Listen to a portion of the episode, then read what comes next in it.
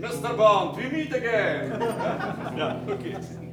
60 lat temu, 10 października 1963 roku, miała miejsce uroczysta premiera filmu Pozdrowienia z Rosji. Filmu, którego zadaniem było co najmniej powtórzenie sukcesu Doktora No i ugruntowanie pozycji serii. Na warsztat wzięto szalenie wówczas popularną piątą powieść Jana Fleminga. Zatrudniono cały szereg osób odpowiedzialnych za e, sukces Doktora No z reżyserem Terencem Youngiem na czele. I czy ta sztuka się udała?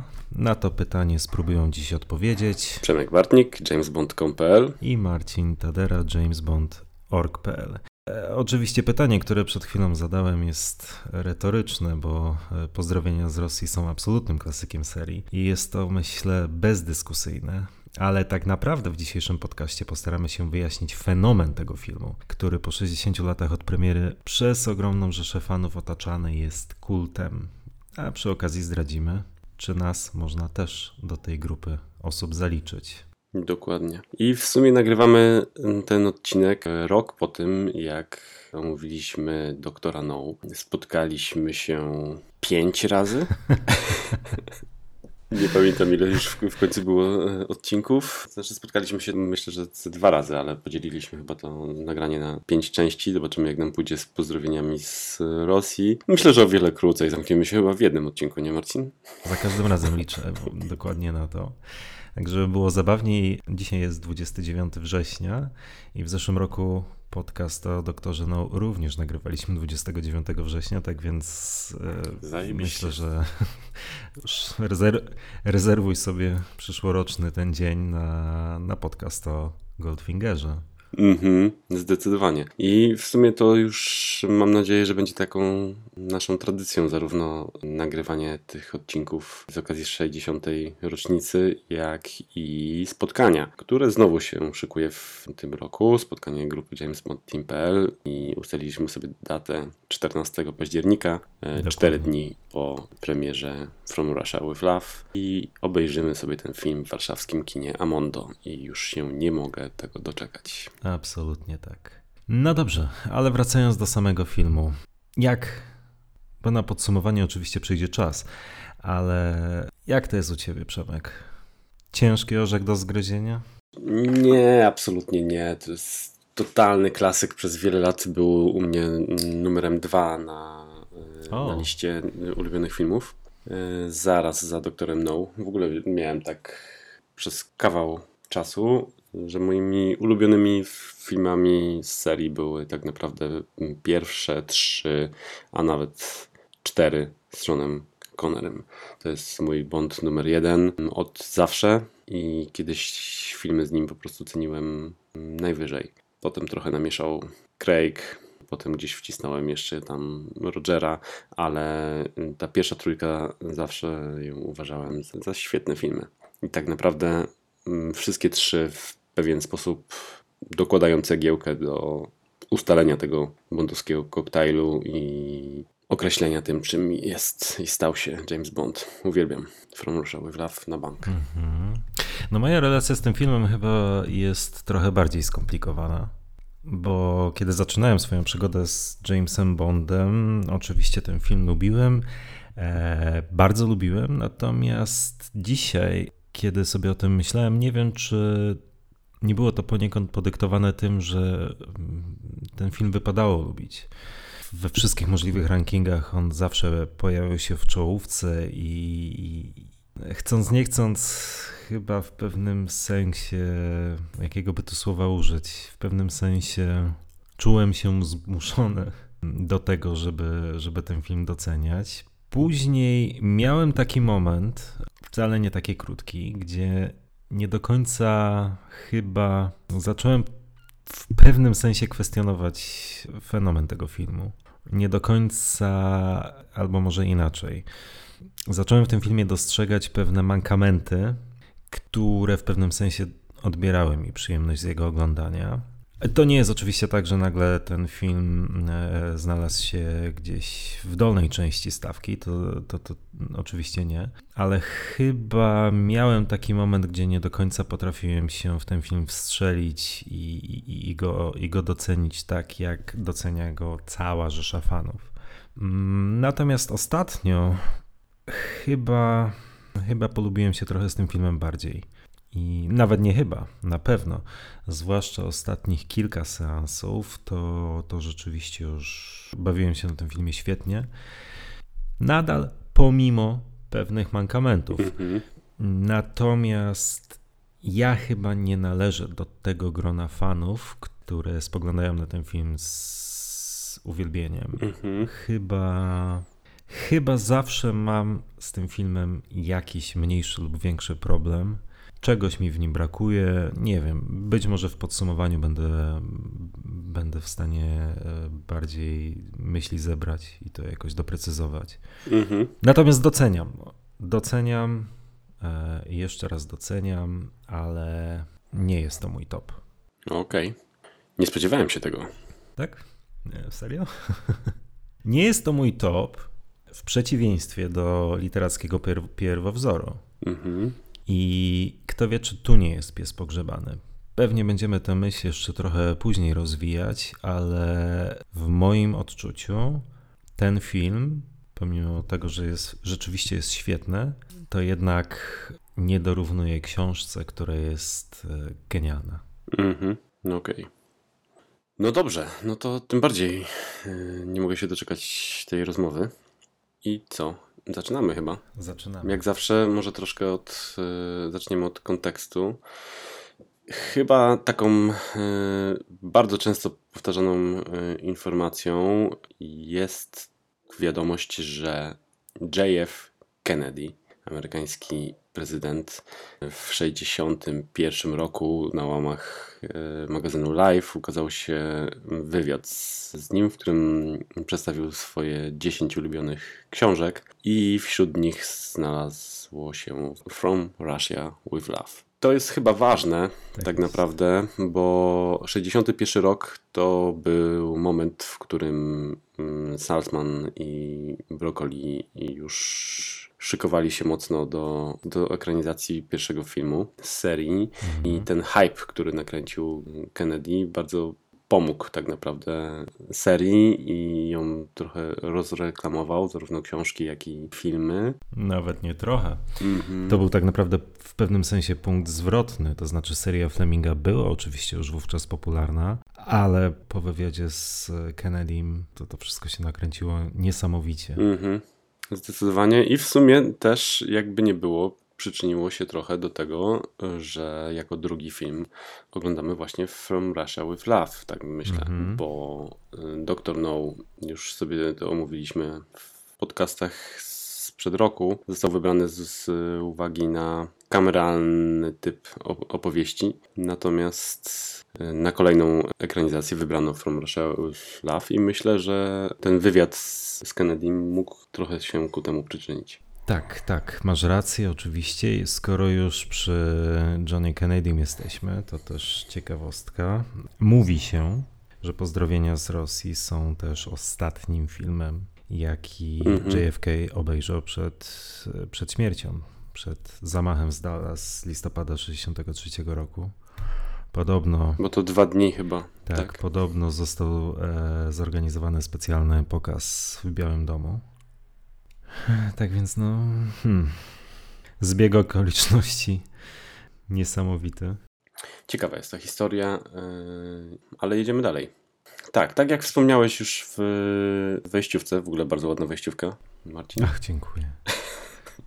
Skład zwycięskiego zespołu praktycznie po- pozostał ten sam, poza mm, drobnymi wyjątkami, Mhm. bo w, przy produkcji From Russia with Love nieobecny był e, Ken Adam, Tak który pracował wtedy nad e, doktorem Strangelove. Mhm, Kubricka. Co, przynieś, co przynie, przyniosło mu też e, Oscara, więc chyba dobry wybór. Mm, Natomiast godnie zastępował go Sid Kane.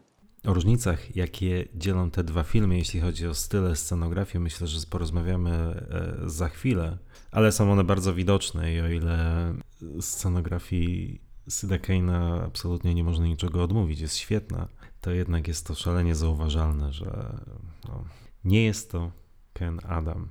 Nie twierdzę, że to coś złego czy dobrego, broń Boże. E, Po prostu bardzo rzuca się w oczy to, jak stylistycznie ten film jest odmienny od swojego poprzednika. To prawda. Reszta składu z małymi wyjątkami, o których też niedługo będziemy mówić, pozostała bez zmian. Terence Young znowu objął stanowisko reżysera. Natomiast y, już jeżeli chodzi o sam scenariusz, tak naprawdę scenariusz został, treatment został już zamówiony jeszcze na etapie postprodukcji Doktora No i to zadanie przypadło Joannie Harwood. Mhm, która również pracowała nad scenariuszem do Doktora No, ale nie, jej nazwisko nie znalazło się w napisach początkowych do tego filmu. Niestety. Dokładnie. I tak, w tej pierwszej wersji treatmentu było tam sporo zmian e, w stosunku do książki.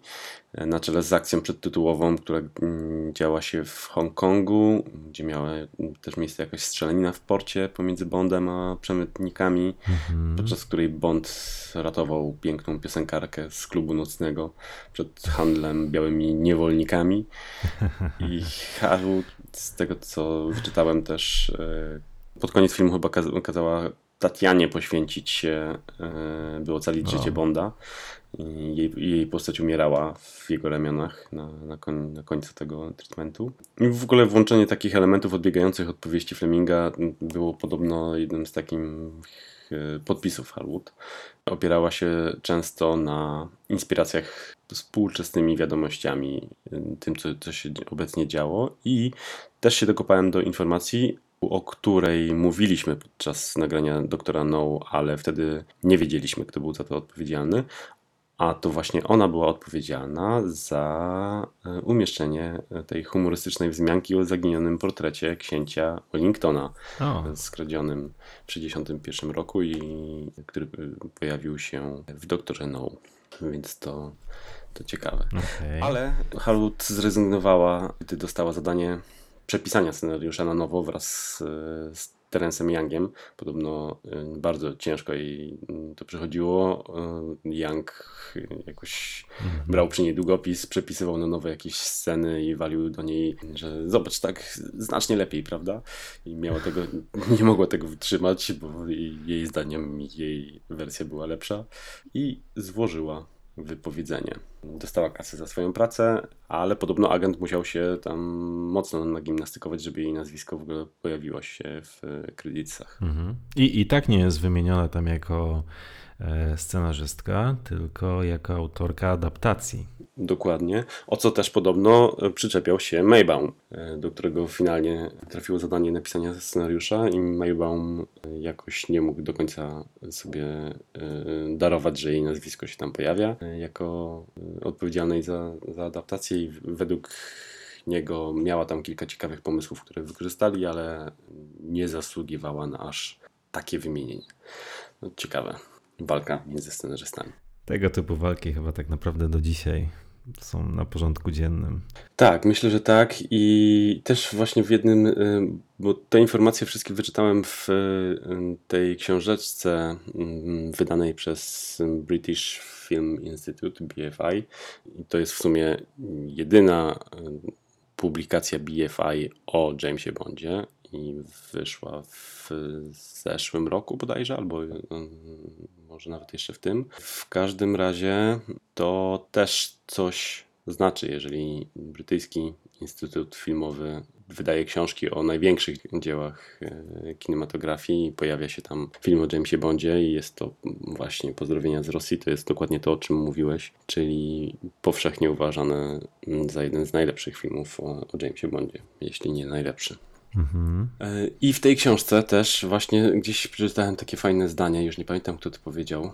To już nie jestem pewien, że to poszło z ust Maybauma czy mm, Lena Daytona, który też był e, zamieszany w scenariusz, ale powiedział coś takiego właśnie, że powszechnie wiadomo, że scenariuszów się nie pisze, tylko scenariusze się przepisuje. I bardzo, bardzo mi się to podobało. Tak, generalnie Problem chyba ze scenariuszem do tego filmu polegał na tym, że wydaje mi się, że producenci jednocześnie zaangażowali niezależnie od siebie chyba bodajże czterech scenarzystów. Trochę na zasadzie zobaczymy, co z tego wyjdzie. No i rzeczywiście ostatecznie ostate... zdecydowano, czy postawiono na scenariusz e, Majbauma, ale to też była taka trochę ciekawa forma produkcji, produkcji filmu. Tak, już sobie przypomniałem, znalazłem w notatkach, to bo tak naprawdę po Hardwood trafił ten, e, to zadanie do Lena Daytona i możliwe, że było tak jak mówisz, że to oni wszyscy jednocześnie w jakiś sposób pracowali, ale Len Dayton, człowiek odpowiedzialny za napisanie powieści e, Teczka Ipkres i to też na podstawie tej, tej powieści powstał film z resztą produkcji Salzmana tak. z Johnem Barrym jako kompozytorem, Michaelem Kane'em jako głównym aktorem. Mam na Blu-rayu bardzo fajny film. Natomiast on nawet poleciał do Turcji z producentami, e, ale po jakimś czasie został zwolniony za brak postępów w pracach i próby pójścia w trochę innym mm, kierunku niż mm -hmm. oczekiwali producenci. I wtedy właśnie postawiono na Maybauma. Y, Salzman w ogóle bardzo próbował się udzielać podobno przy y, pomysłach w scenariuszu, w odróżnieniu od Brokoliego, który się tak trochę dystansował od, od pomysłów na film. I chyba jeszcze czwarta osoba, o której mówi, mówiłeś, to jeszcze mm, Berkeley Mother, prawda? Brytyjski pisarz i on z tego, co udało mi się też wyczytać właśnie w, te, w tej książeczce, był odpowiedzialny między innymi za dopisanie tej sceny na na promie, gdzie y, Sean rozmawia z Tatianą i nagrywają swoją rozmowę na, na dyktafonie.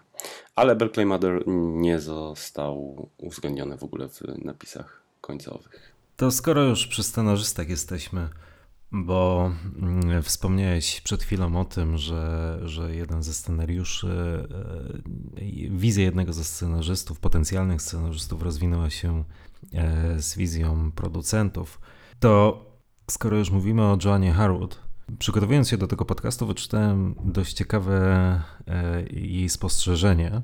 I szczerze mówiąc, nigdy nawet się nie zastanawiałem nad tym e, i nie myślałem o tej serii pod tym kątem, bo my o tej serii, przynajmniej teraz, rozmawiamy z perspektywy 60 lat, kiedy wiele rzeczy jest dla nas jasne, oczywiste, e, jaka jest formuła, jakie czynniki sprawiły, że, że ta seria odniosła sukces, jakie czynniki sprawiają, że ta seria po 60 latach nadal e, święci triumfy. Mm, natomiast Joanna Harwood w jednym z e, wywiadów przyznała, że wówczas producenci byli bardzo zdeterminowani, żeby powtórzyć sukces doktora No oczywiście, tylko problem polegał na tym, że nikt do końca nie wiedział, dlaczego Dr. No odniósł taki sukces. I byli przerażeni, że drugi film tego sukcesu nie powtórzy. Chcieli podobnego efektu, jaki wywołał Dr. No, ale nie do końca wiedzieli, jak to osiągnąć. Bo przypomnijmy, formuła tak naprawdę dopiero się kształtowała. Bontowski koktajl i tak dalej, i tak dalej. To są rzeczy, które tak naprawdę dopiero w Goldfingerze nabiorą pełni kształtu. Tak więc to też jest w sumie ciekawe, bo tak jak już mówiłem przed chwilą, z dzisiejszej perspektywy to wszystko się wydaje jasne, oczywiste i wszystko bierzemy za pewnik. Ale wówczas ten sukces doktora No chyba trochę przekroczył oczekiwania producentów. Być może niewielu spodziewało się, że będzie aż takim fenomenem ten film. I tutaj nagle wiesz, masz zrobić coś, e, coś równie fajnego, równie spektakularnego. Tylko hmm, wiele, wiele przykładów kinematografii jest. E, możemy sypać tytułami, gdzie sequelom nie udało się powtórzyć sukcesu pierwowzoru czy pierwszej części cyklu być może właśnie dlatego. Mhm, mhm. Zdecydowanie. Tutaj na szczęście poszło to w drugą stronę, tak naprawdę. To też pewnie na podsumowaniu będziemy sobie mówić, ale From Russia with Love okazał się jeszcze większym sukcesem niż, niż Doctor No i Goldfinger tak naprawdę później już absolutnie y, wystrzelił w kosmos, jeżeli chodzi o mm, popularność serii. Natomiast y, tak, Hardwood też się ku temu przyczyniła i też w ogóle to chyba w podcaście James Bond and Friends y, na fajną rzecz zwróciła uwagę mm, Liza Funel, o której w sumie wcześniej nie myślałem. Za scenariusz do pierwszych Bondów była e, po części odpowiedzialna kobieta. Wszyscy wypowiadali się przy okazji No Time to Die, że w końcu mm, scenariusz też w, jakiś sposób szlifuje, szlifują kobiece ręce, czyli Phoebe Waller-Bridge, która mm, pisała część di dialogów do, do No Time to Die i wszyscy się tym bardzo ekscytowali, natomiast mało osób w sumie pamięta e, o, o tym, że te, za te pierwsze dwa scenariusze e, też po części była odpowiedzialna kobieta, o której zdecydowanie nie wolno zapominać. Dokładnie, dokładnie tak. Absolutnie. No tak, ale lecimy do sceny przedtytułowej, a o reszcie składu pogadamy sobie w trakcie. Bardzo chętnie. Jeszcze tylko jedna myśl mi uciekła, od której być może powinniśmy zacząć, więc wyjaśnimy to w tej chwili. W Polsce funkcjonują dwa tłumaczenia tytułu From Russia with Love. Pozdrowienia z Rosji i z jakiegoś powodu pozdrowienia z Moskwy. Ja myślę, że my oboje będziemy się posługiwali tym pierwszym. Pozdrowienia z Moskwy. Nigdy nie rozumiałem sensu tego tłumaczenia, co tłumacz miał na myśli, czym się kierował. Kompletnie jest to dla mnie niejasne.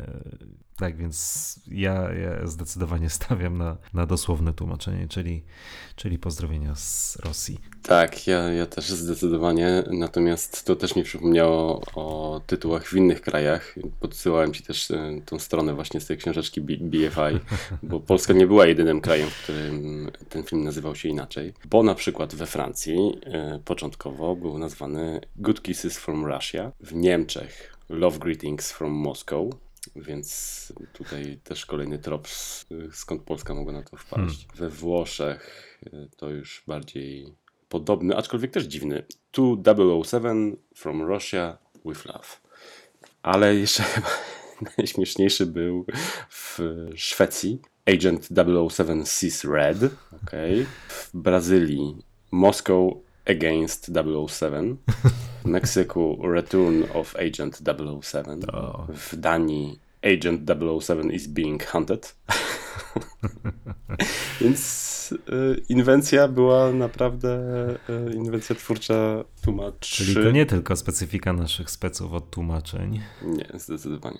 Więc to jest ciekawy aspekt i y, muszę pamiętać, żeby sprawdzać to przy okazji y, innych y, omawianych przez nas filmów, bo to naprawdę ciekawe rzeczy. Mhm. Tak, ale dla nas pozdrowienia z Rosji. Pozdrowienia z Rosji. Zdecydowanie tak. Gun Barrel. Gun Barrel. Gun Barrel jest tak samo jak i później będzie w Goldfingerze jest wierną kopią tego, którego widzieliśmy w Doktorze No, czyli jeszcze nie występuje w nim e, Sean Connery, cały czas jest to kaskader Bob Simmons mhm. i tak jak w przypadku Doktora No, ja lubię, lubię ten motyw y, i lubię jego występy, mimo tego, że tak naprawdę nie jest to Bond, albo inaczej jest to Bond grany przez kogoś innego, ale ma taki swój klasyczny urok. Urok, o to jest dobre słowo, urok, ma urok. Bo technicznie oczywiście, no umówmy się, każdy kolejny gun barrel od operacji Piorun począwszy, no to, to już jest zupełnie inna bajka. Dokładnie. Ale ma urok, tak.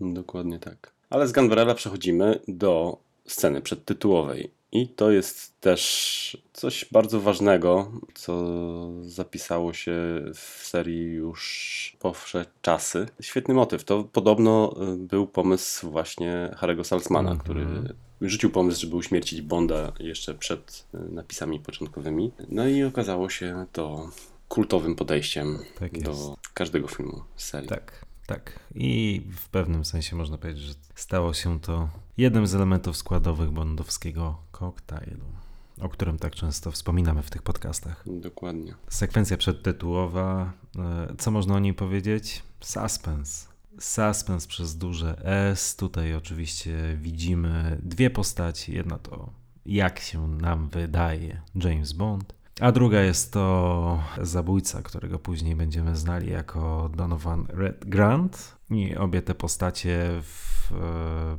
ciekawych okolicznościach, można powiedzieć, co polują na siebie. Mhm.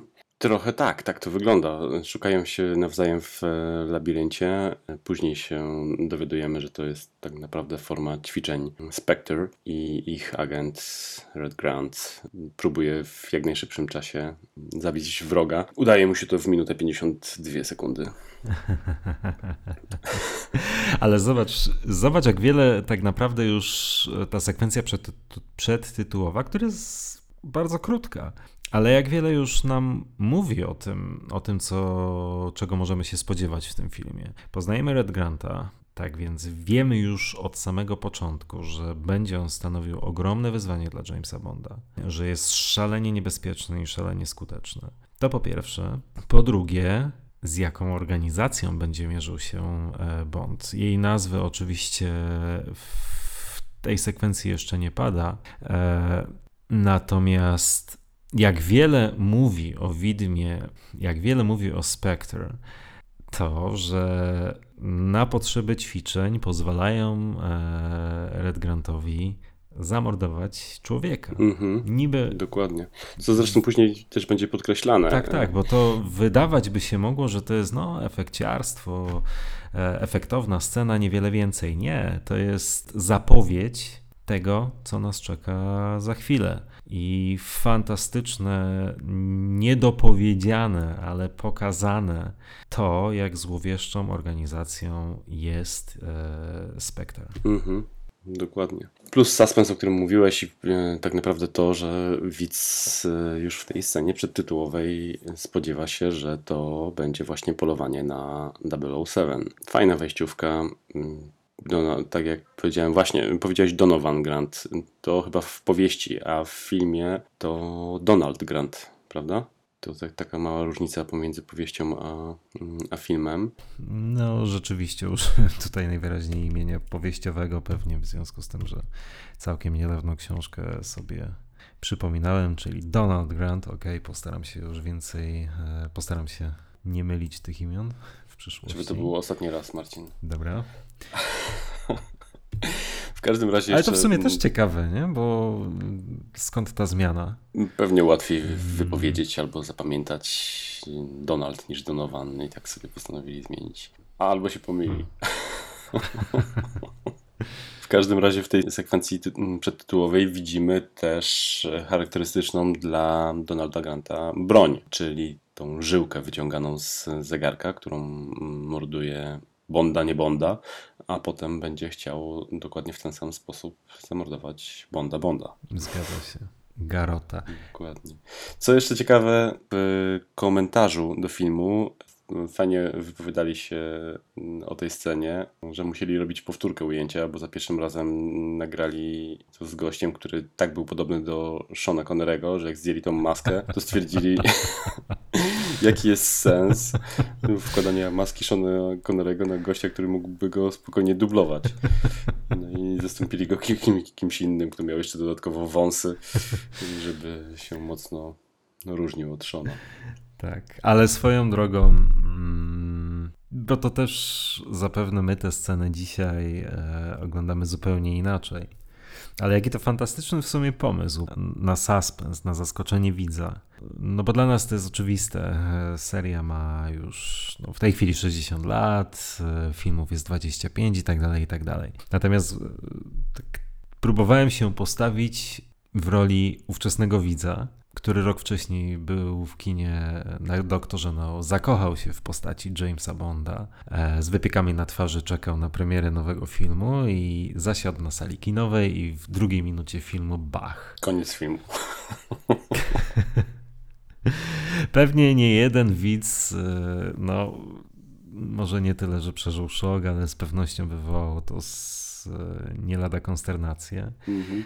Świetny, fantastyczny motyw. Dokładnie. Też bardzo, bardzo go lubię. I ogólnie y, lubię tą wejściówkę, y, lubię tą scenę przedtytułową. Y, oczywiście w porównaniu do kolejnych tak naprawdę, jeżeli miałbym gdzieś tam robić e, klasyfikację tych scen przytytułowych, to pewnie byłaby gdzieś w końcówce, bo każda następna mm, będzie już bardziej efektowna, złożona. Efektowna, e, wręcz e, wiele z nich będzie absolutnie kultowymi scenami, o których się pamięta i rozmawia. Ta pewnie taka nie jest, ale zapoczątkowuje coś, co absolutnie uwielbiam w tej serii. Zgadza się.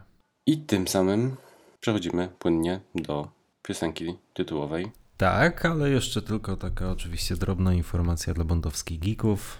Chociaż ci akurat doskonale zdają sobie zapewne z tego sprawę, więc tylko tak e, tytułem z kronikarskiego obowiązku nadmieńmy, że to jedna z dwóch sekwencji przedtytułowych w tej serii, w której de facto postać Jamesa Bonda się nie pojawia. Mhm. Kolejną taką e, sekwencją będzie ta z człowieka ze złotym pistoletem. Dokładnie tak.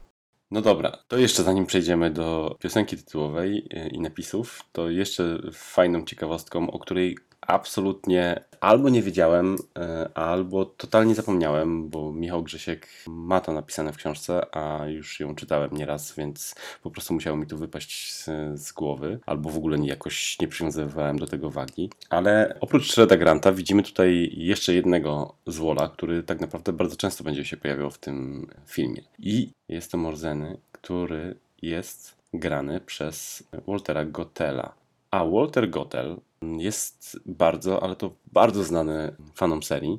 Tylko, że e, odrobinę później, tak naprawdę w kolejnych dopiero filmach, e, od szpiega, który mnie kochał, albo jeszcze później, bo w szpiegu, który mnie kochał, grał tam też kogoś innego. Natomiast później zaczął się pojawiać w serii jako generał Gogol. I ja szczerze mówiąc, kompletnie o tym zapomniałem. Jak słuchałem komentarza tym razem, mówię, rany boskie, przecież to jest młody Gogol. Faktycznie. I teraz to widzę. Mhm.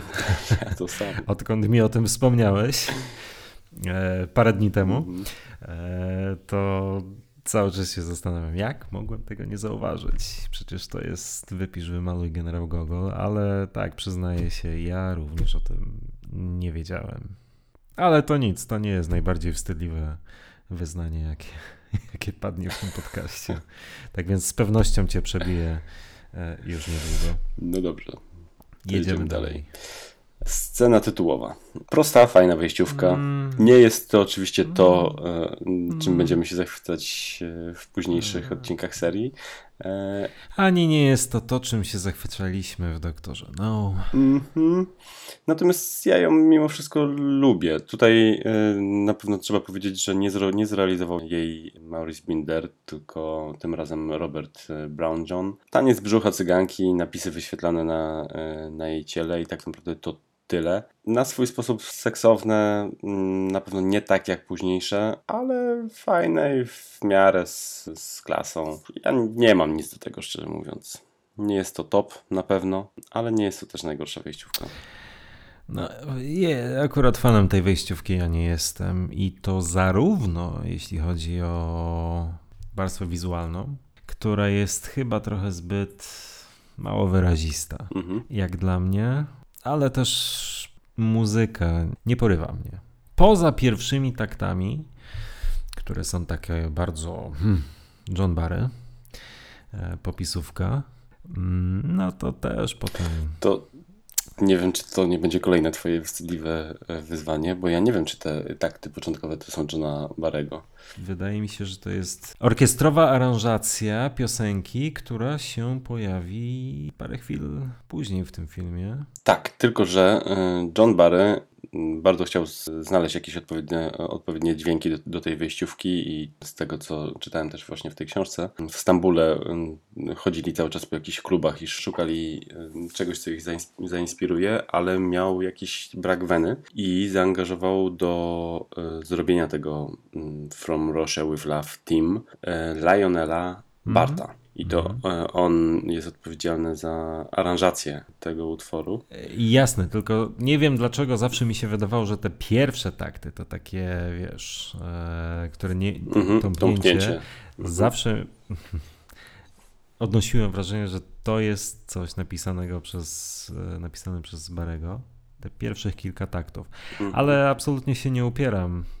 Jeśli nie, no to, to tutaj akurat chylę czoła, bo, bo to rzeczywiście jest, te pierwszych kilka taktów jest zdecydowanie najlepsze z całej tej sekwencji muzycznej, która, którą okraszona jest czołówka. Mhm. Ja, ja lubię tą, tą muzykę tak naprawdę. Podoba mi się też jej przejście później w Bond Team. Tak Okej. naprawdę wokal Mata Mhm. Monroe, który, który, którego słyszymy yy, dopiero może nie na końcu filmu, yy, bo już kawałek chyba słyszymy jeszcze, jak pierwszy raz widzimy Tak. yy, Bonda na, scenie na ekranie, ale ten wokal też mi się podoba i dla mnie ta piosenka niesamowicie pasuje do filmu. Piosenka tak, ale wolę ją w formie właśnie piosenki niż tej aranża- aranżacji e, orkiestrowej, aranżacji instrumentalnej, która ilustruje czołówkę. Mhm, no rozumiem. Jasne. No dobra, to przenosimy się w takim razie do Wenecji na turniej szachowy. Władek Szejbal, czyli polski aktor tak naprawdę, który gra tutaj Czecha, mm, Kronstina. Bardzo charakterystyczna postać dla, y, dla filmu. Lubię ją bardzo i, i bardzo Mhm. lubię właśnie Świetne. ten turniej szachowy. Ten motyw, kiedy kelner przynosi szklankę z wodą i stawia i tak nienaturalnie długo czeka, czym zwraca na, na, na siebie uwagę Kronstina i Kronstin wtedy spogląda na jego twarz i już wie, że wie co jest grane. My nie widzimy w sumie chyba mm, twarzy tego Nie. kelnera, przynajmniej w tej scenie. Jest to też tak swojego rodzaju taki tajemniczy zabieg, trochę trzymający właśnie napięcie, suspens. Mhm. Uwielbiam to, jak jest poprowadzona ta scena i Krons- Kronstin zgarnia wodę i karteczkę pod nią dowiaduje się, że jest wzywany natychmiast do bazy Spectre. Świetna scena. Świetna scena. Jest to scena niemal żywcem przeniesiona z powieści Fle- Fleminga. Mm, U Fleminga e, również pojawia się postać e, Kronstina, również jest to mistrz szachowy. Również Fleming opisuje turniej szachowy. Wprawdzie to nie jest międzynarodowy turniej szachowy, tylko bodajże Mistrzostwa Rosji czy, czy, czy, czy Moskwy. Nie ma to już większego znaczenia e, w tej chwili. Mm, Natomiast ta scena u Fleminga się pojawia i ona jest fenomenalna. To jest mistrzostwo, jak tę scenę Fleming opisuje. Oczywiście mm, u Fleminga nie mamy do czynienia z, ze Spectre. Kronstin jest wzywany przez Smersh i gonitwa myśli, cały proces myślowy Kronstina jest fantastycznie przez Fleminga opisany, kiedy on nie chce poddać partii, bo mu ambicja na to nie pozwala, a jednocześnie wie, że jakakolwiek zwłoka może się dla niego fatalnie skończyć. I e, cały jego proces myślowy jest odtworzony przez Fleminga o tym, jak on wymyśla sobie alibi, dla którego nie mógł tak po prostu wstać od stołu i, i ruszyć do, na wezwanie e, Smerszu. To jest coś niesamowitego, niesamowitego, naprawdę choćby dla tej jednej sceny tę powieść warto przeczytać, tak więc to jest e, scena, która się fenomenalnie udała w powieści i świetnie, świetnie udała się również we filmie, aczkolwiek no, brakuje tutaj oczywiście tego kontekstu, mm, który znamy z kart powieści, ale no to też jest poniekąd e, no, przewaga, przewaga książek czyli możliwość oczywiście dopowiedzenia pewnych rzeczy przez, przez narratora. Ale tak, zgadzam się z Tobą, to jest fantastyczna scena. Mhm.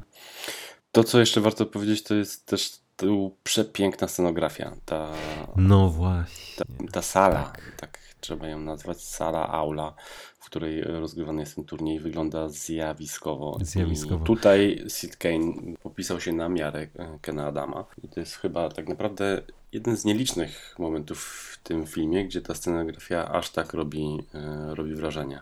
Tak, tak. To jest jego popisowa partia. Zgadza się. Wygląda to fantastycznie.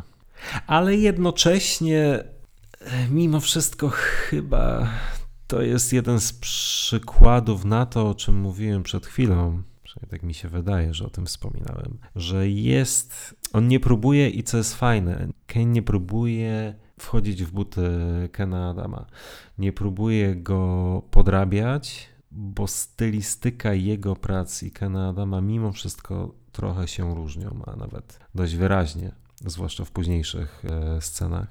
Tak więc fajnie, no to akurat jest jak najbardziej na plus. Mhm, mhm. To jeszcze taki turbo mały szczegół, na który zawsze zwracam uwagę od pierwszego seansu e, tego filmu. A właśnie, a propos, zawsze pytamy się na początku podcastu, czy pamiętasz swój pierwszy raz, kiedy oglądałeś Pozdrowienia z Rosji. Tym razem tego nie zrobiliśmy. E, ja też nie. W każdym razie e, od małego zwracamy uwagę na ten moment, kiedy Kronstin wychodzi z tej sali i jeden z widzów próbuje mu gratulować i podaje dłoń, a Kronstin e, przechodzi obok, jakby w ogóle kompletnie nie zwracając na niego uwagi i on robi wtedy taką znie, znie, niesmaczoną minę i zdziwioną, że, że Kronstin się nie zatrzymał. Zawsze nie wiem dlaczego, ale bardzo lubię ten motyw i zawsze na to zwracam uwagę. Bo to nie jest zakładam, to nie jest przypadek, tylko raczej rzeczywiście jest to ukłon w kierunku Fleminga, ponieważ Kronstein u Fleminga był postacią, którą tak naprawdę nie interesowali inni ludzie włącznie ze, swoimi, ze swoją rodziną, ze swoimi dziećmi, nie czuł się z nimi jakoś szczególnie emocjonalnie związany. Dla niego liczyła się rzeczywiście służba i, no i oczywiście kariera mm, szachisty.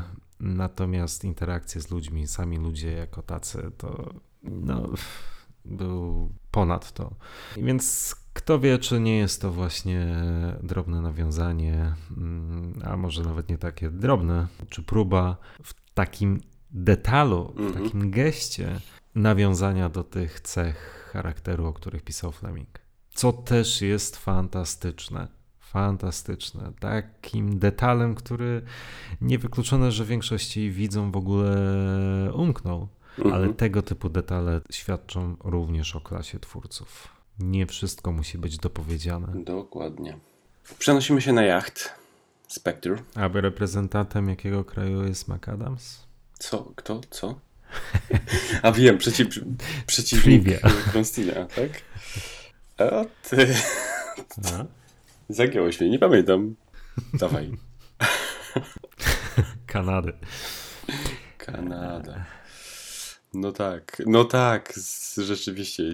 Pamiętam jak się śmiali w podcaście, bo Lisa Final jest z Kanady i zawsze mają mega ubaw naśmiewając się z Kanady i tutaj również się śmiali, że Kanada znowu przegrywa. Natomiast żeby nie było, ja nie chciałem cię stawiać tutaj w niezręcznej sytuacji, tak więc jak najbardziej możesz to wyciąć. Nie, no to, to nie miało na celu to, żeby wiesz, tutaj pokazać, że czegoś, coś ja wiem, a ty czegoś nie wiesz. Nie, absolutnie to. Nie, nie bardzo fajna to, to, to nie jest do wykorzystania w podcaście. Wykorzystamy. Zrobimy z ciebie takiego złośliwego. No, zaraz jak zaczniesz mi się rewanżować, to wiesz. Ale już tak na poważnie, ja też e, szczerze mówiąc przez całe życie nie zwróciłem na to uwagi i tylko tak jak wielokrotnie podkreślamy to, że przygotowując się do podcastów, oglądać te się, te filmy zupełnie inaczej. Trochę bardziej w oderwaniu od, od fabuły, bardziej skupiając się na pierdołach. I to jest jedna z takich pierdół, którą wychwyciłem dosłownie przy okazji ostatniego seansu. No, jednego z ostatnich seansów rzeczywiście. Mm -hmm. Spoko. No dobra, ale Kronstin pokonuje Kanadyjczyka i akcja przenosi się na, na jacht. I tak tutaj technicznie też... rzecz biorąc, tego nie, po, nie pokonuje, tylko Kanadyjczyk się pod, poddaje partię. Ale dobra, bo już zaczyna mi się faktycznie może włączać za bardzo tryb złośliwy. To był ciężki tydzień, bardzo przepraszam. Akcja przenosi się na jacht. Suspens trwa, bo y, Kronstin podchodzi do drzwi, y, my widzimy eskortujących go uzbrojonych ochroniarzy i czuć tutaj cały czas napięcie. W pokoju jest y, już Roza Klep. Słyszymy głos, który jest spokojny, opanowany, ale przy tym mm -hmm. trochę złowieszczy. Y, I głos, który opowiada o rybkach bojownik syjamski, fascynujące stworzenia, odważne, ale w gruncie rzeczy głupie. Wyjątek stanowi ta tutaj. Pozwala tym dwóm walczyć, a sama czeka. Gdy zwycięzca będzie zmęczony i niezdolny do obrony, wówczas niczym spektr widmo zaatakuje. Zabawne porównanie. Mógłbyś dubbingować ten film w polskiej wersji. Uwielbiam, uwielbiam ten tekst i uważam, że to jest świetne, ale to świetne przedstawienie tej organizacji, tych, e, tych osób stojących na, na jej czele. Świetne wprowadzenie do tego pokoju. Fajna ta anegdota z, z tymi rybkami Mhm. i wymienieniem właśnie już nazwy Spectre. Nie widzimy twarzy, ale widzimy rękę głaszczącą białego kota.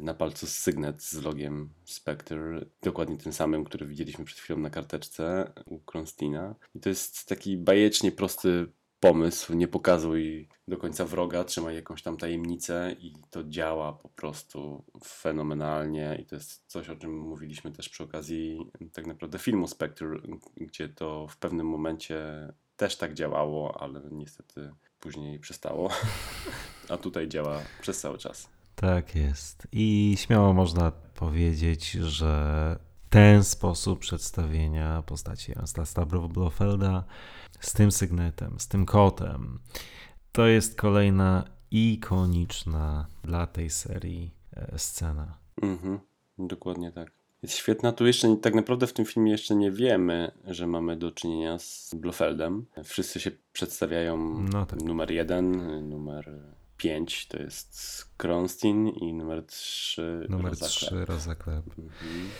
Zgadza się. Tak jest. Gadka o rybach rzeczywiście świetna, e, bardzo klimatyczna, bardzo obrazowa już też w ten oto prosty sposób daje się widzowi do zrozumienia, jak zostanie rozegrana, czy jak Spectre chce rozegrać kwestię, bo naprawdę, tak naprawdę ich plan do tego się sprowadza, e, wykradzenia lektora, bo to jest przecież ich główny cel, co wydaje mi się, że może w pewnym momencie się rozmyć i umknąć widzo, widzom, ale no, no, tak naprawdę tu wszystko sprowadza się do chęci wykradzenia lektora, czyli urządzenia szyfrującego, radzieckiego urządzenia szyfrującego. E, Poczekaj, dekodującego, tak? Szyfr, czy nie? Nie wiem, zakładam zawsze, że to działa w dwie strony, ale może się mylę. Też gdzieś o tym czytałem, e, że szyfrująca była Enigma, a lektor był odpowiednikiem też e, maszyny, która pomagała właśnie jakby Okej. rozkodować te wiadomości tworzone przez, przez Enigmę. Okej. I to nazywali właśnie de dekoder, czy coś takiego. E, Więc to też jest ciekawe. No dobra, muszę przyznać, nasze, nasze podcasty robią się coraz bardziej pouczające. E, tak, ale wysłuchujemy masterplanu mm, wykradzania maszyny dekodującej.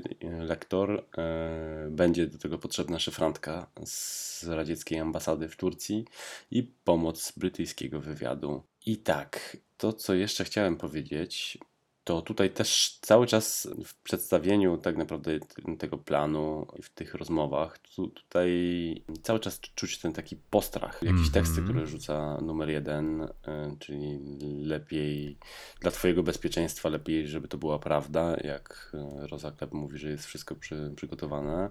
Y, Widać, że ona się go bardzo boi i, i zdecydowanie nie chce być odpowiedzialna za, za porażkę, wie co ją czeka, jak się nie uda. Kronstin znowu jest taki pyszałkowaty i jest pewny swoich umiejętności, e, raczej mało skromny typ, ale widać, że, że się go boją. I to robi klimat po prostu. Zdecydowanie Bardzo, tak. bardzo fajne. W tej rozmowie pada jeszcze coś mm, bardzo mm, ciekawego, czyli jak Kronstin opowiada o swoim planie, o tym jaki jest perfekcyjny, że zna mentalność Brytyjczyków i że na pewno mimo tego, że będą wiedzieli, że to pułapka, to i tak wejdą w nią, bo e, koniecznie będą chcieli zdobyć lektora i najpewniej wyślą swojego e, najlepszego agenta, czyli Jamesa Bonda, co da im możliwość odwetu za śmierć ich człowieka, doktora No. Zarówno to, jak i późniejsza scena z Seanem Connerym, e, o której też będziemy niedługo mówić, wskazuje, że jest to bezpośrednia kontynuacja doktora No. Prawie jak Quantum of Solace i Casino Royale i No Time to Die i Spectre. I tak naprawdę to też jest w sumie fajna e, ciekawostka, można by rzucić takie pytanie konkursowe, e, ile bezpośrednich kontynuacji miała seria e, o Jamesie Bondzie. I jestem pewien, że mm, wiele osób by o tym jakoś zapomniało. Zgadza się, bo to rzeczywiście jest bardzo ciekawe, bo najwyraźniej ten film został potraktowany jako taki typowy sequel, bo bondowskie filmy bardzo rzadko nawiązują do samych siebie. Fabularnie, fabularnie. I tak wyraźne nawiązania do czegoś, co wydarzyło się na ekranie e, w poprzednim filmie, nie są w tej serii standardem. A właściwie powiedziałbym, że są bardzo, bardzo rzadkie. A tutaj jest to wyraźna próba zachowania ciągłości. Nie ostatnia, o czym przed chwilą wspomniałeś. Tak więc to jest fajny zabieg. Tak, tak. Bardzo Mhm. fajnie. Dokładnie. Natomiast y, taki zabieg y, zdecydowanie wystarczający dla mnie i ja bardzo bym chciał, żeby e, tak właśnie wyglądało później powiązanie filmów y, w przyszłości. Takie rzucanie tekstu i tyle, a nie, że się tutaj zaraz okazuje, e, że wszyscy, z którymi Że zdjęcia postaci z piszą w poprzednich korytarzu. rozwieszone. Dokładnie, dokładnie tak. Sami Mendesie, coś ty uczyli. Odsyłamy do odcinka o Spectre, tam się pastwimy nad Mendesem i tym pomysłem. Tak, o Blofeldzie, e, a tak naprawdę o numerze 1 jeszcze warto wspomnieć, e, co go odróżnia od innych, a może nie do końca, ale, e, ale co go wyróżnia trochę, No. to jest posiadanie włosów. O, Tam przez jeden moment widzisz y, tył głowy i on ma takie krucze czarne włosy i do złudzenia przypominające profesora Denta. tak, zamierzałem o tym powiedzieć. Marcin? Marcin? Zamierzałem się przyznać, tak. Już- już do tego przechodzę, bo wprawdzie biłem się przez ostatnich kilka dni z myślami, czy, czy o tym wspomnieć, czy nie, ponieważ ryzykuję, jeśli w bondowskim fandomie e, mam chociaż odrobinę autorytetu, to za chwilę pewnie e, resztki jego stracę. E, no ale cóż, no, trzeba się przyznać. Przez 23 lata mojej przygody z Jamesem Bondem nie zorientowałem się i być może nadal bym się nie zorientował, gdyby nie fantastyczna funkcja na Prime Video pod nazwą X-Ray i przypadkowa pauza w tej scenie, że w rolę numeru 1 wcielił się Anthony Dawson, czyli nie kto inny jak profesor Dent z Doktora No. Jedziemy dalej. Nie, nie, żartuję. E, tak, jest mi wstyd, e, ponieważ jest to rzecz, którą powinienem był sprawdzić dwie dekady temu, ale jakoś nigdy, szczerze mówiąc, nie przyszło mi do głowy. Nie była mi ta wiedza potrzebna, co chyba nie najlepiej o mnie świadczy. Nie, daj spokój. Myślę, że e, po pierwsze wiele osób tego, e, tego nie wie. Nie jest to aż tak duża wtopa, daj spokój. Natomiast to, co jeszcze warto powiedzieć e, o tej postaci, to, że grają Antony Dawson, tak, i to jego widzimy, i jego właśnie włosy, natomiast głos podkłada kto inny. I za głos odpowiada Eric Palman. Mhm. I Anthony Dawson ponownie pojawi się w tej roli w Thunderbolt. Thunderball, dokładnie. A najwyraźniej producenci Bonda mają słabość do Antoniego Dawsona, ponieważ jeśli dobrze pamiętam, to on był również wykorzystywany w castingu Tak, tak, tak. I, mhm. do roli kobiety Bonda, to Anthony Dawson odgrywał rolę Jamesa Bonda Dokładnie w tak. zdjęciach próbnych. Mhm. A nie wiedziałem o tym wcześniej, szczerze mówiąc. I to jest jedna z takich ciekawostek, które wyczytałem właśnie przy okazji przygotowania się do e, podcastu. Tak jeszcze wracając na chwilę do e, tematu bezpośrednich kontynuacji, zacząłem się zastanawiać nad tym, że ja w sumie wejściówkę do Diamenty są wieczne zawsze interpretowałem jak bezpośrednią e, kontynuację w Tajnej Służbie i Królewskiej Mości. Więc w sumie tutaj też można by się pokusić o stwierdzenie, że jest to bezpośrednia kontynuacja. Co ty na to? tak, sama wejściówka, owszem, ja również interpretowałem ją zawsze w ten sposób, że wydarzenia z sekwencji przedtytułowej Diamenty są wieczne wynikają z tego, co się działo w, w Tajnej Służbie i Królewskiej Mości i z zakończenia tego filmu. Ja ci powiem więcej. Tylko dla twoich oczu w pewnym sensie można traktować jako sequel w Tajnej Służbie i Królewskiej Mości. Nigdy nie próbowałem, ale ponoć te dwa filmy oglądane jeden po drugim, najpierw w Tajnej Służbie jej Królewskiej Mości, a potem e, przecież film, który powstał 12 lat później, czyli tylko dla Twoich oczu, no podobno świetnie ze sobą korespondują. Mhm. No, w sumie racja. Też rozmawialiśmy o tym przy okazji omawiania właśnie tylko dla Twoich oczu, y, że tam też y, tak naprawdę to nawiązanie, zarówno poprzez wrzucenie Blofelda do, do komina, jak i później sanie nad grobem Tracy, to bardzo um, przywołuje na myśl e, w tajnej służbie królewskiej mm -hmm. Zresztą. Dobra, do tego tematu wrócimy rzeczywiście przy Diamentach są wieczne, bo tam jeszcze było w adaptacji Marvela filmu Tylko dla Twoich oczu. Blofeld mówi do Bonda, że minęło 10 lat od naszego ostatniego spotkania i tego nie ma w ostatecznej wersji filmu, ale to też pokazuje, że, że te filmy są w pewnym sensie ze sobą powiązane. No ale dobra, to już jest taka głęboka dygresja, którą pewnie się wytnie, mm, ale rozkminimy to w swoim czasie, zapewne. Dokładnie tak. Wyspa Spectre. Mhm. W ogóle jaki to jest fajny Wyspa pomysł, nie? żeby organizacja miała swoją własną wyspę. Złowieszcza organizacja oczywiście. Obóz tak naprawdę treningowy e, organizacji i tutaj ponownie widzimy Gogola. Mm -hmm. Chyba tak go będę już nazywał, a nie Morzeny. Obóz treningowy. Rosa Klep przylatuje helikopterem Przyjmuje ją właśnie e, Gogol.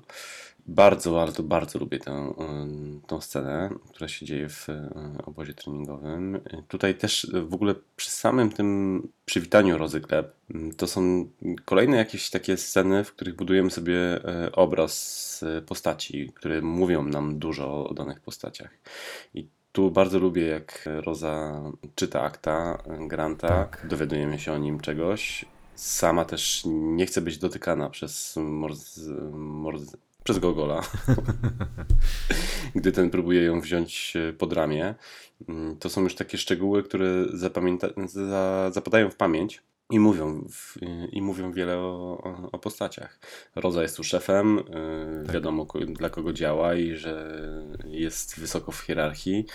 Mordzenie fajnie się wypowiada o Grancie, że to jest super materiał, morderca, paranoik. Opowiada o jego świetnych wynikach e, podczas spaceru na, e, przez obóz, który de facto jest bardzo fajny e, i też właśnie pada ta informacja o tych żywych celach, o których mówiliśmy w scenie przed, przedtytułowej. Świetne, świetna rzecz. Świetna rzecz. Tak, rzeczywiście z tych scen dowiadujemy się trochę więcej o Donaldzie Grancie. Dowiadujemy się, ponieważ w pewnym momencie Rozaklep czyta jego akta. Mm, stąd też wiemy, że jest to skazany morderca, który uciekł w 1960 roku, uciekł z e, więzienia Dartmouth. Został zrekrutowany przez Spectre w Tangerze w 1962 roku, tak więc znamy jego backstory. Nie będzie to i nie jest to tylko postać, która ma budzić grozę i ma jedynie imię. Ma też swoją osobowość. Mm, oczywiście u Fleminga Fleming poświęca mu znacznie, znacznie więcej miejsca. U Fleminga dowiedzieliśmy się o Grancie tego, że on był nie tylko mordercą, ale był w zasadzie seryjnym mordercą, był socjopatą, który w okresach pełni księżyca czuł żądzę mordu przeszedł na stronę Rosjan, tak naprawdę, czy jednym z powodów, dla których przeszedł na stronę Rosjan, było to, że tam mógł mordować bezkarnie, ponieważ w pewnym momencie został zwerbowany przez e, radziecki wywiad, który umożliwiał mu to. I to była jedyna rzecz, czy najważniejsza rzecz, która się dla Granta w książce liczyła. No, w filmie trochę inaczej podeszli do, do tej postaci. Czy gorzej, czy lepiej? W zasadzie i jeden, i drugi sposób opisania Granta w mojej ocenie się broni. Trochę, czy nawet bardzo, różnią się motywacje tych, tych postaci w jednej i w drugiej medium. Mhm. Ale tutaj y, są takie właśnie w filmie przebłyski mówiące ci o tym, że to jest właśnie morderca paranoik, tak jak przedstawia go Morzani. I gdzieś tam choćby w tych tekstach nie umrzesz od pierwszej kuli, druga też ci nie, nie, nie zabije, a nawet trzecia, to widać, że gość jest y, psycholem. Czy jak podrzuca trupa pod ambasadę i niewzruszony siada, wsiada później tam do, do Rezy, to, to są takie mikrowstawki właśnie mówiące o, o tym, że on to bardzo lubi robić. Mm -hmm. E, tak, tak. On to bardzo lubi robić, natomiast e, Tutaj wydaje się być bardziej najemnikiem, a nie kimś oddanym sprawie, tak jak, tak jak u Fleminga.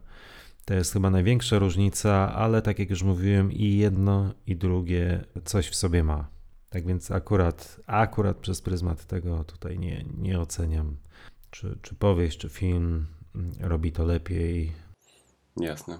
W każdym razie, Klep rekrutuje Zwola, sprawdza jego formę kastetem, co też bardzo lubię tę scenę. Mhm. Wcześniej, przepraszam, Red Grant jest masowany przez w zasadzie półnagą kobietę, co nie robi na nim żadnego wrażenia. Mam tutaj na myśli o jakichkolwiek e, podtekstach erotycznych. Nie ma tutaj o tym mowy, co też o tej postaci coś nam mówi. Mhm, mhm. Dokładnie. No i co? Dostaje z kasetu i ma stawić się za 24 godziny w Stambule. I przenosimy się do Stambułu właśnie. Widzimy Tatianę Romanową, która spławia koleżanki i udaje się gdzieś. Jest śledzona już właśnie przez Granta. Fajna scena. Lubię ten, ten motyw. To jest cały czas taki bardzo szpiegowski klimat tego filmu. I w tej scenie też jest to od, oddane. Mhm. Daniela Bianchi. Teraz czy później? Myślę, że teraz. Myślę, że teraz. To ja się e, teraz pokuszę o wyznanie. Zakochałem się w niej ostatnimi czasy. Doceniłem jej kreację. Hmm, oczywiście to jest trochę inny wymiar aktorstwa niż, niż współczesne. Umówmy się. Momentami takie mocno ekspresyjne. To nie jest do końca to, co w dzisiejszych filmach tej serii widzimy. Ale nie ma to żadnego znaczenia. Zakochałem się w Danieli. Doceniam to, jak udźwignęła tę rolę, pomimo tego, że na planie zdjęciowym miała lat 20, 21. To chyba była jej pierwsza rola w filmie. A mimo to uważam, że te kluczowe, zwłaszcza sceny, wyszły jej wyśmienicie. Zwłaszcza biorąc pod uwagę, pod uwagę fakt, że była debiutantką pewnie jest nie fair porównywać ją z Ursulą Anders, i, ale uważam, że jest od swojej poprzedniczki z doktora no, kil, aktorsko jest o kilka poziomów wyżej. Nie chcę tutaj oczywiście przez to powiedzieć, że to jest wybitna kreacja, bo tak nie jest, ale naprawdę jak na tak młodą dziewczynę, kompletnie niedoświadczoną aktorsko, Uważam, że zagrała fantastycznie, całkiem nieźle, zniuansowała tę rolę wtedy, kiedy trzeba było oczywiście, a przy tym jest niesamowicie uroczą kobietą. Zgadzam się w 100%. Ja bardzo, ale to bardzo lubię Daniela Bianki. E, uważam, że tutaj bardzo fajnie zagrała. Co prawda tutaj aktorstwo trzeba przypisać dwóm osobom, tak. bo jak to przystało na stare Bondy, bardzo często e, głos był dubbingowany przez kogoś innego i nie inaczej jest w przypadku Danieli Bianki której głos był dubbingowany przez Barbarę Jefford, e, która o wiele lepiej posługiwała się językiem angielskim niż, niż Daniela. Natomiast e, ona jest świetna. Mimikę w tym filmie ma rewelacyjną. Jest faktycznie przepiękną kobietą. Tak, ja jestem zdecydowanie na, na tak, e, od pierwszych do ostatnich scen. Nie ma tutaj chyba momentu, w którym w jakiś sposób by mi przeszkadzała. Jest świetna. Mhm. Jak swoją drogą I to też jest rzecz, o której dowiedziałem się dopiero przygotowując się do tego podcastu, że e, rola Tatiany Romanowej o niemal o mały włos przypadłaby w udziale polskiej aktorce Magdzie Konopka, o której przyznaję bez bicia nie wiedziałem, nie znałem jej. Zgadza się. Ja to, to też wyczytałem u Michała Grześka. Michał Grzesiek oczywiście wiedział. Ale też nie znałem jej, ponieważ jej kariera głównie była związana z, e, z Włochami i tam głównie występowała. Swoją drogą również przepiękna kobieta. I chyba w pewnym momencie miała romans e, z samym Seanem Connerem w latach 70. Mhm, mhm.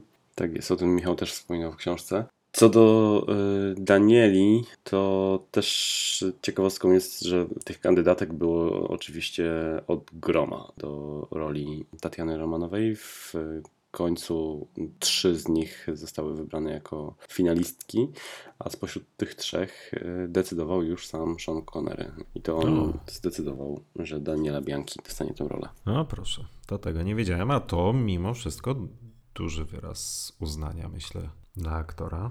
Mhm. I w sumie ciekawy zabieg, bo tak naprawdę to między nimi miała y, zaiskryć tu w jakiś sposób chemia i decyzja Shona y, myślę, że w pewien sposób była uzasadniona i to ciekawy zabieg, że mu pozwolili wybrać, ale zdecydowanie chyba się opłaciło. Zdecydowanie się opłaciło. Ja w tej chwili już nie wyobrażam sobie żadnej innej aktorki w tej roli i tak jak już mówiłem, zakochałem się w niej w ostatnim czasie. Mhm. W tym temacie w takim razie jesteśmy w 100% zgodni, natomiast wracamy do fabuły. Tatiana wchodzi do pokoju, gdzie zastaje pułkownik Rozeklep. Słyszy pytanie, czy wie kim jest. Oczywiście Tatiana wie i odpowiada, że szefem Wydziału Operacyjnego SMERSZ. Rozaklep ma, zakłada tam fantastyczne okulary. Wygląda niesamowicie. Bardzo lubię tę scenę. Kontynuacja trochę przedstawienia e, Rozy Klep i tutaj widzimy, że interesuje się urodą Tatiany, e, obcenia ją, gdzieś głaszcze po włosach, wypytuje o intymne sprawy, o kochanków, przedstawia jej plan.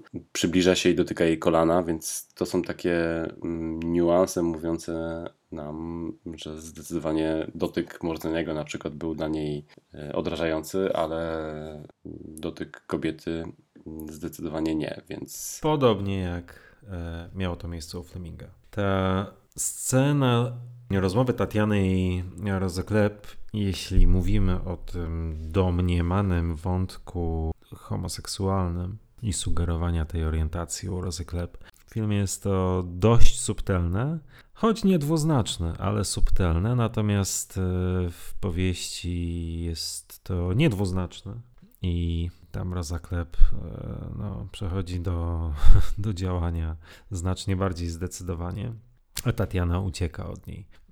Natomiast no, jest to też w sumie dość ciekawy zabieg. Pamiętajmy, że mamy rok 1963. Tak jest. U Fleminga mm, wszyscy geje i lesbijki to mordercy i, i złole.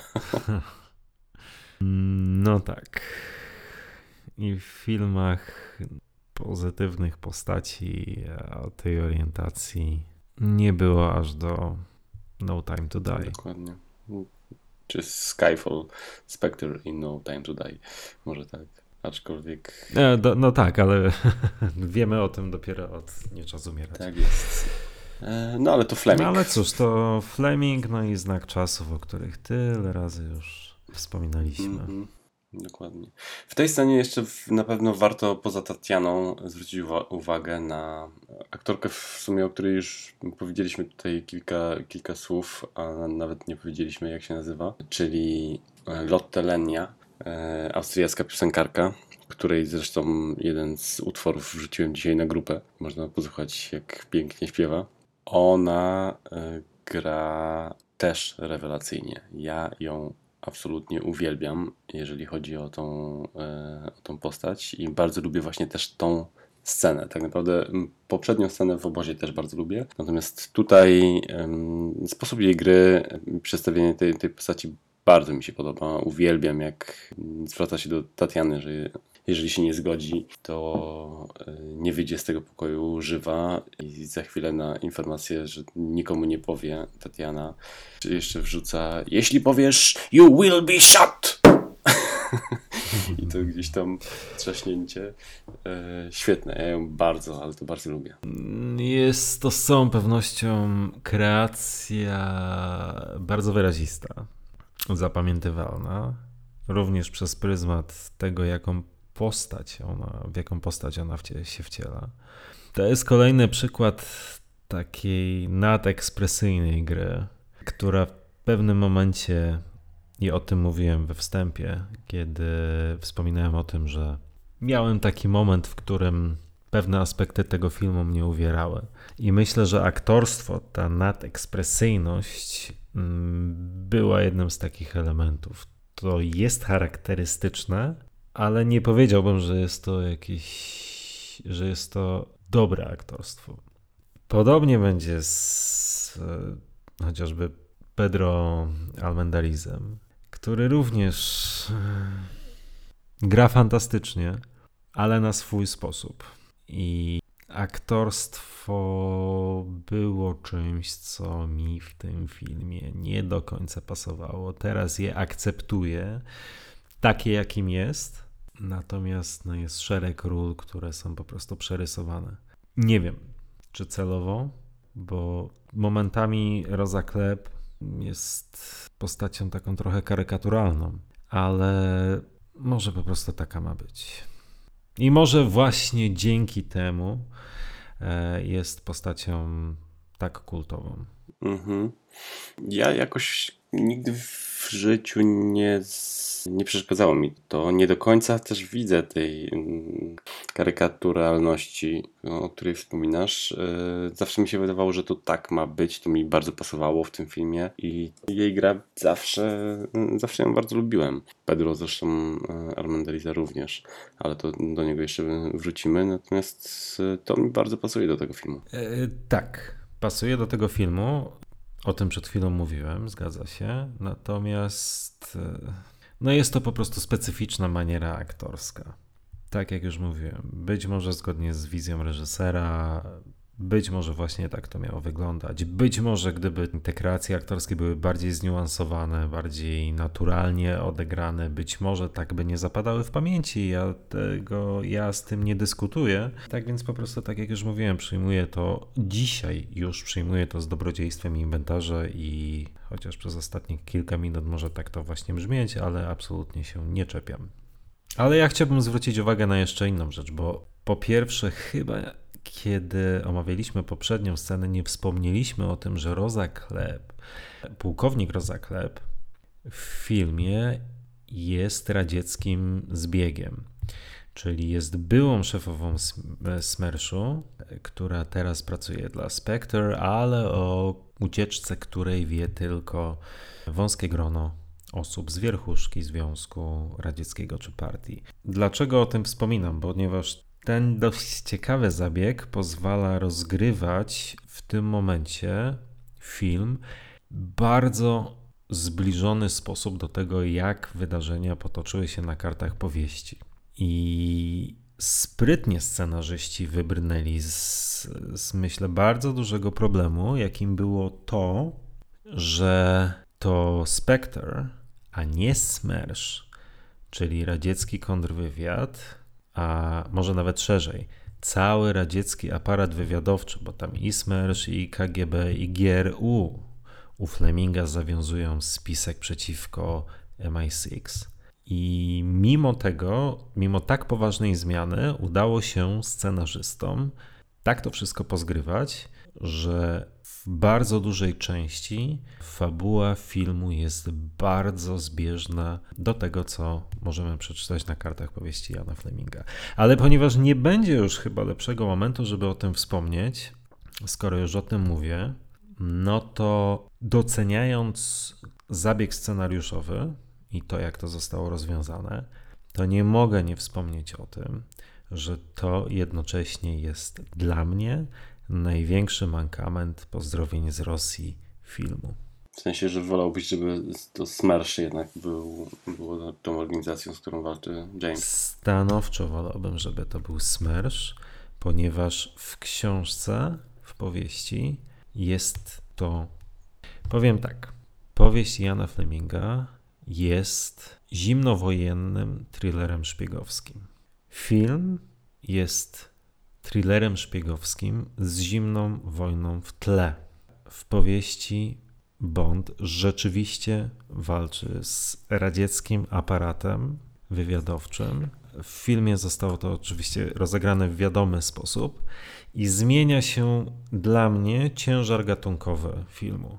I jak już mówiłem przed chwilą, ja doceniam kunszt scenarzystów, jak z tego wybrnęli, jak pociągnęli te fabuły, żeby to wszystko miało ręce i nogi, ale mi brakuje tego, co stanowi esencję powieści. Tej walki z radzieckim wywiadem.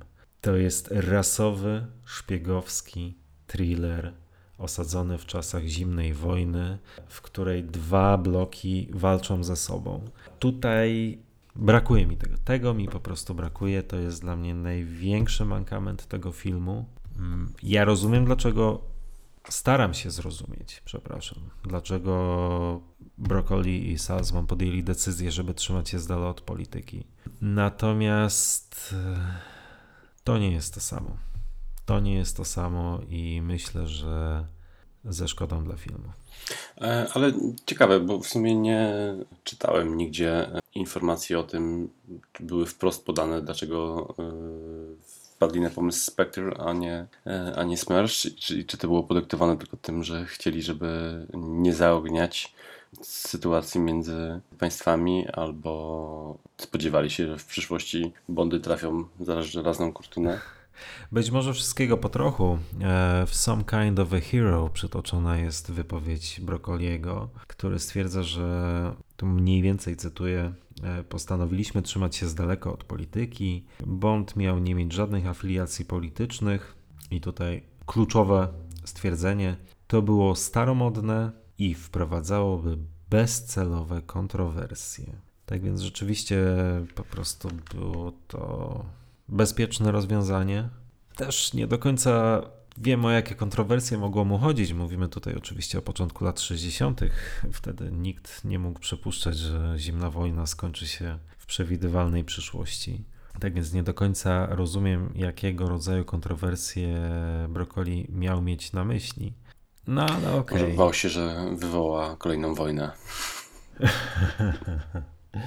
Dobrze, czyli Smersh wyżej niż Spectre. Zdecydowanie Smersh wyżej, wyżej niż Spectre. Zdecydowanie tak.